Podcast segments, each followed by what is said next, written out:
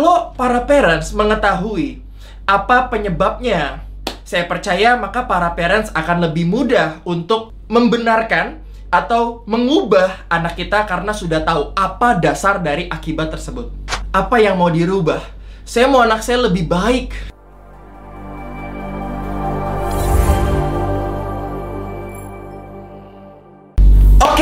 Parents, welcome back di channel Ideal Parents dan hari ini kita kembali ke sesi Q&A dan ada pertanyaan dari orang tua mengenai kenapa anak saya susah buat berubah gitu ya. Dan dia mengambil salah satu sampel yang paling gampang adalah bahkan setiap pagi anak saya masih dibangunin sama saya. Kemudian saya suka uh, memberikan pertanyaan dan saya suka bertanya sama orang tua yang masih bangunin anaknya. Pertanyaannya sederhana, siapa yang bangunin? Kemudian orang tua tersebut jawabnya adalah saya pak. Kemudian saya bertanya lagi, yang dibangunin siapa? Anaknya pak. Yang bangunin siapa? Saya pak. Artinya ketika ibu mau agar anaknya tidak dibangunin, sebenarnya siapa yang harus berubah? Siapa yang harus memulai berubah di awal? Kemudian orang tua tersebut berpikir dan dia memberikan jawaban, sepertinya saya ya pak. Betul saya bilang. Kenapa? Karena ketika kita ingin anak kita berubah, pastikan kita mengetahui apa penyebabnya, ya. Apa penyebabnya? Karena apa pun yang terjadi sama anak kita itu namanya adalah akibat.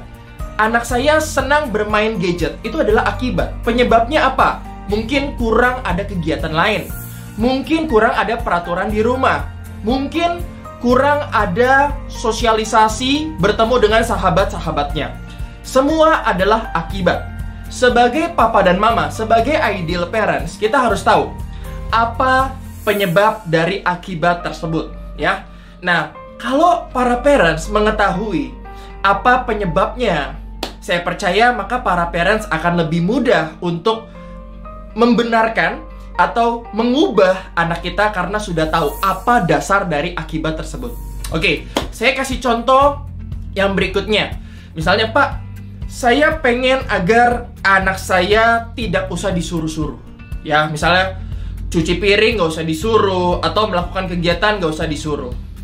Pertanyaannya adalah itu adalah akibat selalu disuruh. Apa penyebab? Kenapa selalu disuruh? Misalnya paling gampang seperti itu. Saya selalu bertanya. Kemudian orang tua bilang, iya karena kalau saya nggak suruh, mereka nggak melakukan pak. Oh gitu, baik. Sekarang pertanyaannya adalah sudah pernah membuat perjanjian khusus belum dengan anak? Atau sudah pernah melakukan delegasi atau belum? Karena menyuruh dan mendelegasikan itu dua hal yang berbeda.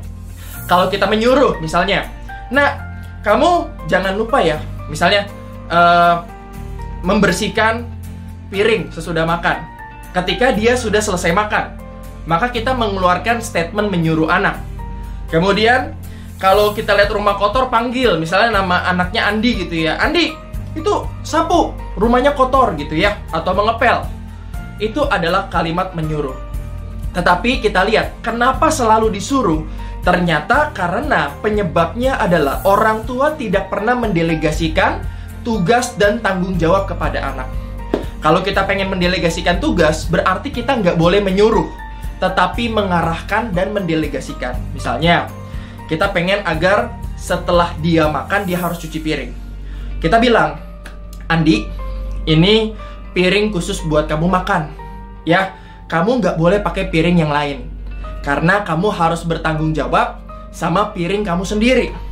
Jadi kalau kamu nanti melihat gitu ya, piring kamu sudah selesai makan, silahkan kamu cuci. Kalau kamu nggak cuci piringnya, maka ketika makan malam, piring kamu akan tetap kotor jadi per hari ini, Mama delegasikan tugas setiap piring yang kamu makan, ya, yang setelah selesai kamu makan harus kamu cuci sendiri, ya, dan kamu taruh di tempat pengeringan piring tersebut. Nah, itu adalah salah satu contoh dari delegasi. Jadi bedakan antara menyuruh anak dan memastikan agar anak itu terdelegasi tanggung jawabnya dengan jelas.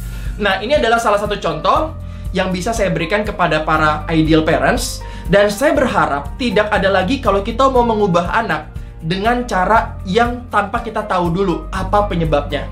Karena semua yang terjadi sama anak itu adalah akibat. Penyebabnya apa? Nah, ini penting sekali. Oke, saya lanjut lagi uh, cerita mengenai beberapa kejadian karena memang kebetulan background saya sudah cukup lama di bidang pengembangan diri buat remaja maupun pendampingan buat papa dan mama gitu ya, pendampingan buat orang tua. Dan ketika saya melihat salah satu unsur dari uh, papa dan mama misalnya cerita ke saya, "Pak, saya pengen mengubah anak saya." gitu ya. Kemudian saya suka bertanya, "Apa yang mau dirubah?" Saya mau anak saya lebih baik Terus saya bertanya lagi, lebih baiknya gimana? Saya mau anak saya lebih rajin. Lebih rajinnya dalam hal apa, Bu? Semuanya. Semuanya itu apa aja, Bu? Bisa tolong dijelaskan? Ya semuanya, Pak.